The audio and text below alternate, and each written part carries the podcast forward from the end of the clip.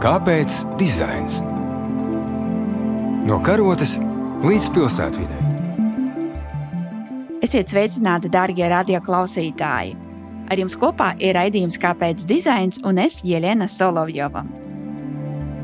Skaidrība, vienkāršība, kaislība. Šādi skan Dēlas teātra dibinātāja Eduarda Smilģa moto, un šīs ir arī kvalitātes, kas caurstrāvo arhitektes Martas Staņas teātra vajadzībām projektēto ēku.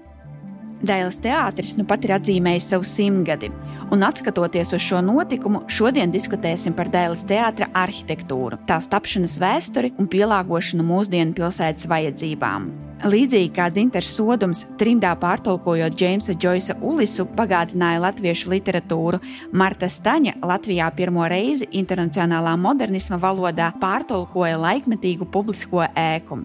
Monogrāfijā Marta Staņa vienkārši ar vērienu raksta tās autors arhitekts Jānis Lēnieks.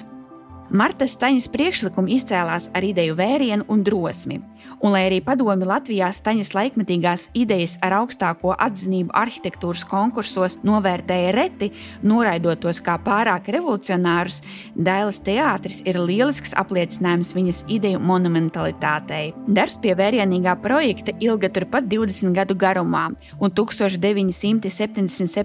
gadā atklātā būve ir viens no izcilākajiem modernisma arhitektūras paraugiem Latvijā. 2019. gadā tika organizēts Dēls teātra teritorijas labiekārtojuma metu konkurss, kurā par uzvarētāju žūrija vienbalsīgi atzina biroja Made arhitekti darbu, kas tapa sadarbībā ar urbānisti Evelīnu Ozolu un grafikas dizaineru Edgars Zvirkstiņu. Šodien uz sarunu par Dēls teātra pagātni, tagadni un nākotni esam aicinājuši Made arhitekti, dibinātājus un arhitektus Miķeli Putrāmu un Lindu Krūmiņu.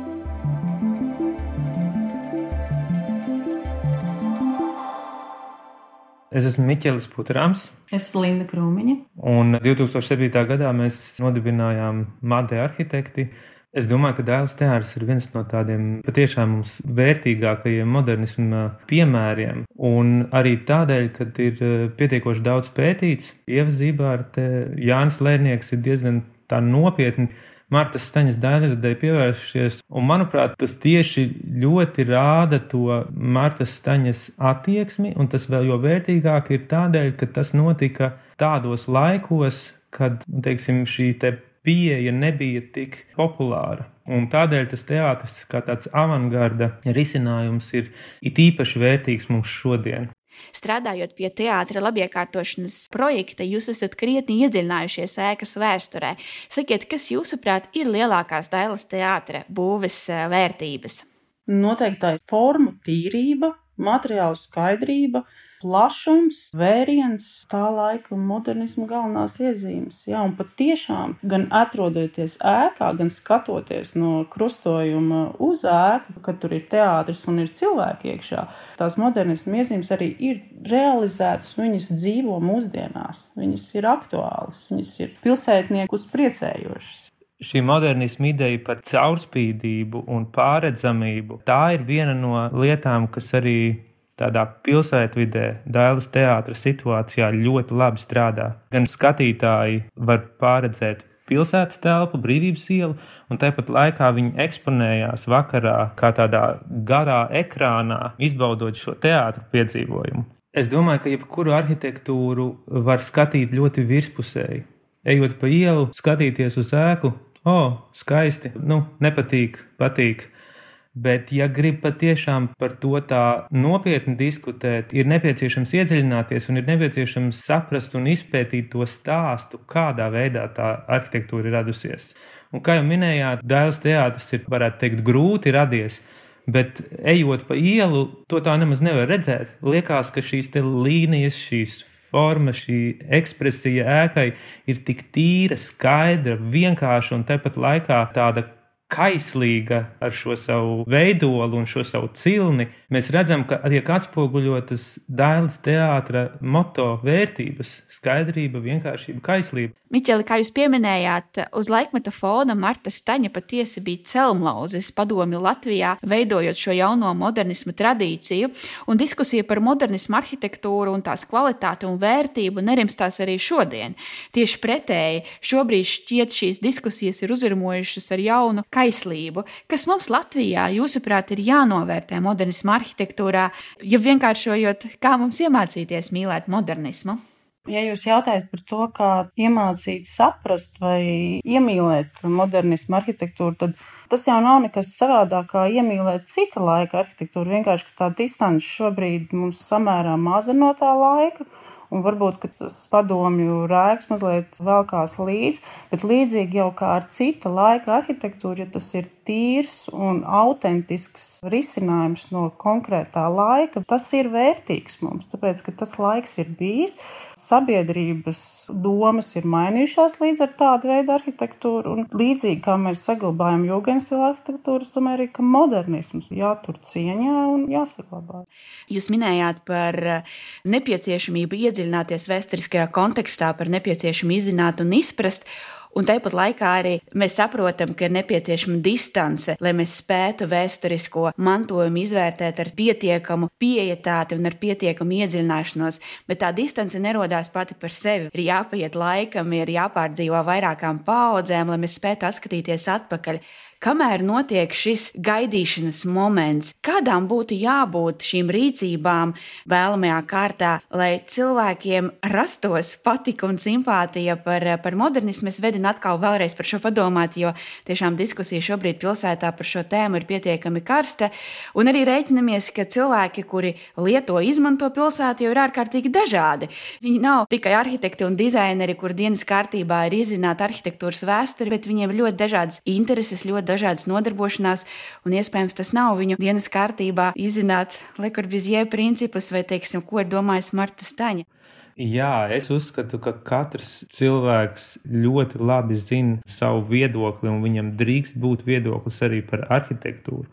Jautājums ir, cik daudz šis arhitektūras piedzīvojums tiek skaidrots un cik viņš ir populārs. Piemēram, strādājot un mācoties Dānijā, mēs redzējām, ka pārsvarā sabiedrībā šī izpratne par arhitektūru, dizainu ir liela, un cilvēki spēj, māk un grib baudīt šīs arhitektūras un dizaina lietas, kā arī viņi ir gatavi diskutēt par šiem jautājumiem. Latvijā šī interese arhitektūras izzināšanā varētu būt lielāka, un tad es domāju, ka katram cilvēkam būtu arī interesantāk iejot iekšā, sajūtot šīs telpas, pašam individuāli iedziļinoties, papētot, iepazīstot šo māju, jebkuram, ikatram radīsies savs daudz kvalitatīvāks viedoklis par to, vai šī ēka ir vērtīga un lietojama šodien vai šī ēka ir netik vērtīga. Es te gribētu papildināt par to diskusiju Elizabetes divu kontekstā, ka faktiski no ministra jau mēs pat nesagaidām šobrīd to diskusiju. Tiek it kā organizēts kaut kas un kaut kas tiek darīts, bet tāda īsta diskusija par koncertzāles norietnēm kopā ar profesionāļiem, ar arhitektiem jau nenotiek. Katrs ir savā iecietinājumā un sarunas par koncertzāles vietu vai šo konkrēto ēku par modernismu, ko tur gribētu saglabāt, ko tur uzskatām par vērtību, tas nenotiek. Un, ja mēs tādā līmenī e, nesagaidām cieņpilnu sarunu starp divām pusēm, tad ļoti grūti ir jebkuram citam sabiedrības loceklim aicināt par to domāt un diskutēt. Jo no malas skatoties, tur ir vienkārši strīds un ļoti tālu no cieņpilnas diskusijas šobrīd. Kāpēc dizains?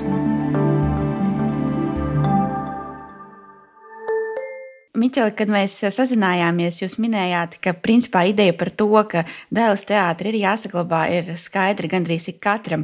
Vienkārši katram ir savs viedoklis par to, kā tas īsti būtu darāms. Un es gribēju uzreiz jums arī vaicāt, kādiem izaicinājumiem jūs šobrīd saskaraties, strādājot pie dēls teātra publiskās telpas atjaunošanas un pārveides projekta. Jūs jau pareizi minējāt, ka jebkura pārveidošana vai jebkura iejaukšanās kaut kādā ziņā ir bīstama, jo tā maina reālo situāciju. Un cilvēkiem vispār ir grūti pieņemt jebkādas pārmaiņas. Nu, tas ir cilvēka dabā, bet par šo pieminiekļa vērtību mēs jau sākām runāt. Šīs ēkas vērtība nāk kopā ar šo stāstu. Tā nāk kopā ar autentisko ideju un tām vērtībām, ar kurām tas objekts tika veidots. Un mums šīs vērtības ir jārespektē, bet mēs nevaram ignorēt mūsdienu 21. gadsimta vajadzības. Un, ja mēs runājam par Dēls teātra laukumu, kas ir ne tikai teātra laukums, bet arī pilsētas vide, diezgan būtiska liela publiskā telpa pilsētas centrā, tad mēs pa šiem gadiem esam sapratuši, un es domāju, neviens to nenoliedz, ka šīs te teātra zona ir parādījusi, ka viņa ir nefunkcionē atbilstoši mūsdienu vajadzībām. Ir elementi, kas ir nolietojušies, ir elementi, kas traucē šķērsot šo zonu. Tajā vietā vairs pat īsti nav cilvēkam, kur apsēsties, ir tikai betona malas. Var sakot, mūsu uzdevums ir turpināt Marta Staņas idejas bet pārveidot laukumu, lai viņš kalpotu mūsdienu pilsētvidas prasībām. Jā, es varbūt paturpināšu precīzāk, ka mēs visu laiku to laukumu redzam ne tikai kā Dailas teātra laukumu, Bet tikpat svarīgs tas ir vienkārši pilsētas laukums, skvērs, jo,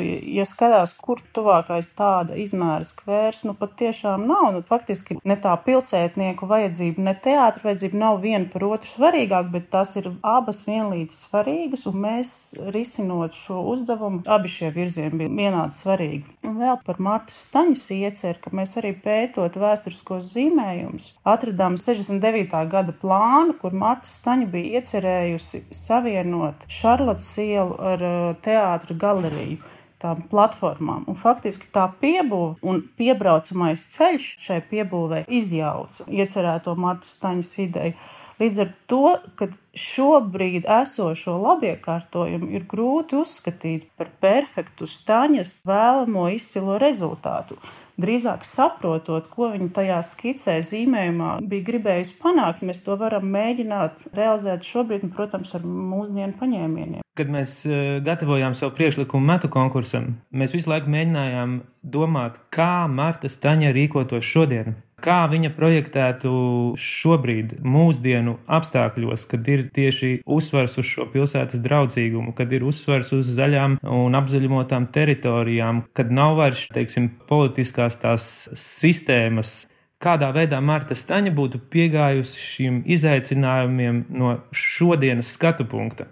Un kas ir svarīgākās vērtības, ko jūs šajā stāsta turpinājumā vēlties demonstrēt? Jau konkursu priekšlikumā mūsu galvenā problēma, ko mēs identificējām, bija tā, ka laukums ir vizuāli ļoti efektīvs, bet funkcionāli viņš sadala un veido šķēršļus šajā teritorijā. Mums pat bija nokartēts tāds plāniņš, kur ar melnu krāsu mēs atzīmējām visus šķēršļus, kas nav pārvarami, ar pelēku visus, kur mums ir pakāpieni un baltais ir tas, kas būtu pieejams brīvi cilvēkiem gan kājām, gan ar ratiņiem, gan ratiņkrēslā. Un mēs konstatējām, ka ir tāda viena taciņa ar dažiem pakāpieniem, kā var tikai šķērsot šo laukumu, un pārsvarā galvenās plūsmas ir tikai gar brīvības ielu. Konstatējām, ka šis laukums ir ļoti nepieejams, un mūsu galvenā doma bija saglabājot gan šīs eh, atbalsta sienas, gan šo detaļu risinājumus viens pret viens, nodrošināt laukumā brīvu pieejamību un tādā veidā arī ievērojami uzlabot laukuma drošību un publiskās telpas kvalitāti šajā zonā. Ja mēs paturpinām šo diskusiju par pieejamību kopumā, kāda ir pieejamības loma pilsētvidē, pilsētas dizainā un kā jūs, arhitekti, pilsētas veidotāji, varat šo kvalitāti vairot un veicināt? Loma, protams, pieejamībā ir milzīga. Gan jau Miķels minēja par eh, drošām un nedrošām teritorijām. Mēs to ļoti labi ikdienā strādājot eh, blakus dāmas teātra laukumam, redzam, kas notiek dāmas teātra skvērā. Bet, ja mēs runājam par pieejamību vēl plašākā mērogā, es tiešām gribu uzsvērt kad pilsētniekiem ir jābūt pieejamam publiskam skvēram vai vietai, kur apsēsties un apēst sviestmais, kaut vai apsēsties, tikai pasēdēt. Ļoti daudz teritorijas Rīgā ir izveidojušās vēsturiski, nu, tā kā viņas ir sanākušas. Ja mēs paskatāmies vēsturiskus foto, Valdemāra iela ilgu laiku bija vienkārši tāds dubļains ceļš Un tad viņš pamazām tika ierobežots, bet automašīnas un ielas šobrīd Rīgā aizņem ļoti lielu telpu. Ja salīdzinām jau ar citām Rietumēropas pilsētām, automašīnas tiek aizvien saspiestas un aizvien vairāk teritorijas tiek atdotas cilvēkiem un apzaļumojumiem. Un šis ir tas ceļš, kurā Rīga iepaliek. Jo mums ir sarkanās līnijas, mums ir inženiertīkli, kokus nevar stādīt ielu malās. Var sakot, ir dažādi gan birokrātiski, gan tehniski ierobežojumi, kas mums neļauj šai pilsētai kļūt baudāmai un cilvēkiem patīkamai. Un tādēļ Dēls teātris skvērs ir kā tāda liela iespēja gan komplektā ar Matīs, ielu, Matīs tirgu, teātri un citām zonām ir ļoti liels potenciāls kļūt par tādu pievilcīgu, baudāmu pilsētvidi. Un tajā gadījumā šī pieejamība ir jārealizē visos līmeņos, gan ar to saprotot maksimālu teritorijas pieejamību, gan maksimālu pieejamību zaļumiem, gan tehnisku pieejamību visām cilvēku grupām, gan arī pieejamību pilsētvidas kvalitātēm, pieejamību kvalitatīviem sēžamajiem, pieejamību dzeramajam ūdenim, pieejamību ēnai vasarā Runājot par to iedziļināšanos, mēs varbūt varam atklāt arī citiem, kā pēc vēsturiskajiem rasējumiem, notikumiem, kā mēs varam spriest par arhitektu ideju. Jo, piemēram, Martai Steņai pēc rasējumiem ir spriežams, ka bija vēlme saglabāt visus iespējamos kokus, kas bija izauguši starp koka mājiņām pagalmos, un nojaucot šīs koka mājiņas, koki tika saglabāti arī priekšā teātrim, lai to zaļumiņu pilsētā saglabātu, un tas nozīmē, ka tas tika ļoti augsti vērtēts. Tāpēc mēs savā priekšlikumā arī turpinam šo ideju un veidojam jaunus stādījumus, kokus, krūmus, kas palielina šo zaļo pilsētas vērtību. Lielas paldies, ka jūs turpināt šo Marta Staņas stāstu un interpretējat to 21. gadsimta valodā. Paldies liels arī, ka piedalījāties šodienas sarunā. Varbūt ir kaut kas, ko mēs neesam paguvuši izskatīt, pārunāt, ko jūs vēlaties papildināt. Man viena doma vēl bija, kad pētot plānus vecos par to tieši, kādi mazie koku apjomi tika nojaukti būvējot Dēls teātri. Tā viena doma radās, ka tā mūsdienu pieeja par cieņpilnu attieksmi pret mantojumu, pret pieejamu telpu visiem, ka tā ir tik laba un kaut kādā ziņā veselīga, ka grūti būtu iedomāties, ja šobrīd tas kvartāls tur būtu esošais koku kvartāls un gribētu šobrīd tur tādu māju uzbūvēt, ka tas nebūtu iespējams. Savukārt no otras puses tas laiks bija tāds, un neskatoties uz to, ka viņš varbūt nojauc koku apbūvi, mēs esam ieguvuši kaut kādu citu kvalitāti. Tādā ziņā, kad varbūt Miķot var papildināt, nav jau labs un slikts laiks, vienkārši tajā laikā tās bija vērtības, un vienmēr vērtībās ir kaut kas, kas mums noderēs arī šodien. Dēls teātri uzbūvējot, tika nojaukts puskvartāls ar vēsturisku koku apbūvi. Skatoties tās vēstures bildes, ir skaidrs zināms, ka šodien tā neviens neatļautu darīt. Ne arhitekti, ne pieminiektu sargi. Palabojiet mani, bet es, es nespēju iedomāties, ka šobrīd varētu nojaukt Rīgā puskvartālu ar vēsturiskām koka mājām, lai tā vietā uzbūvētu teātri vai koncertzāli. Bet tā publiskā telpa, tā iespēja rasties pilsētas skvēram, tā tika izveidota senos laikos, un tā šobrīd ir kļuvusi par vērtību. Un te mēs redzam to relatīvo situāciju, kur pazaudējot vienu vērtību, mēs iegūstam pavisam citas kvalitātes, uz nākotni orientētas. Un uh, varbūt kādā situācijā mums ir vērts pazaudēt kaut kādu iepriekšēju vērtību, ja mēs tās vietā iegūstam ko daudz vērtīgāku un sabiedrībai noderīgāku. Un Dailas teātra gadījumā es pilnīgi noteikti varētu teikt, ka brīvības iela ar šo koku apbūvi man šodien nebūtu tik vērtīga, kā šis publiski pieejamais skvērs un zaļums, kas tur ir un kāds tur varētu būt. Es domāju, arhitektiem ir tā unikālā iespēja, ka viņi dzīvo šajā nākotnē un ka viņi redz to nākotnes realitāti un tās nākotnes realitātes vārdā strādā, lai šos pārveidojumus veiktu. Paldies, ka būvējat mūsu nākotni, un paldies, ka piedalījāties šajā diskusijā un atradāt šim laiku. Paldies, Miķel, paldies, Līna. Tiešām bija liels prieks runāt par šīm, man liekas, mūsuprāt, visu svarīgajām lietām un jautājumiem. Kāpēc dizains? No karotes līdz pilsētvidē. Pirmdien, 9.5. ar atkārtojumu sestdien, 18.18. 18. 18.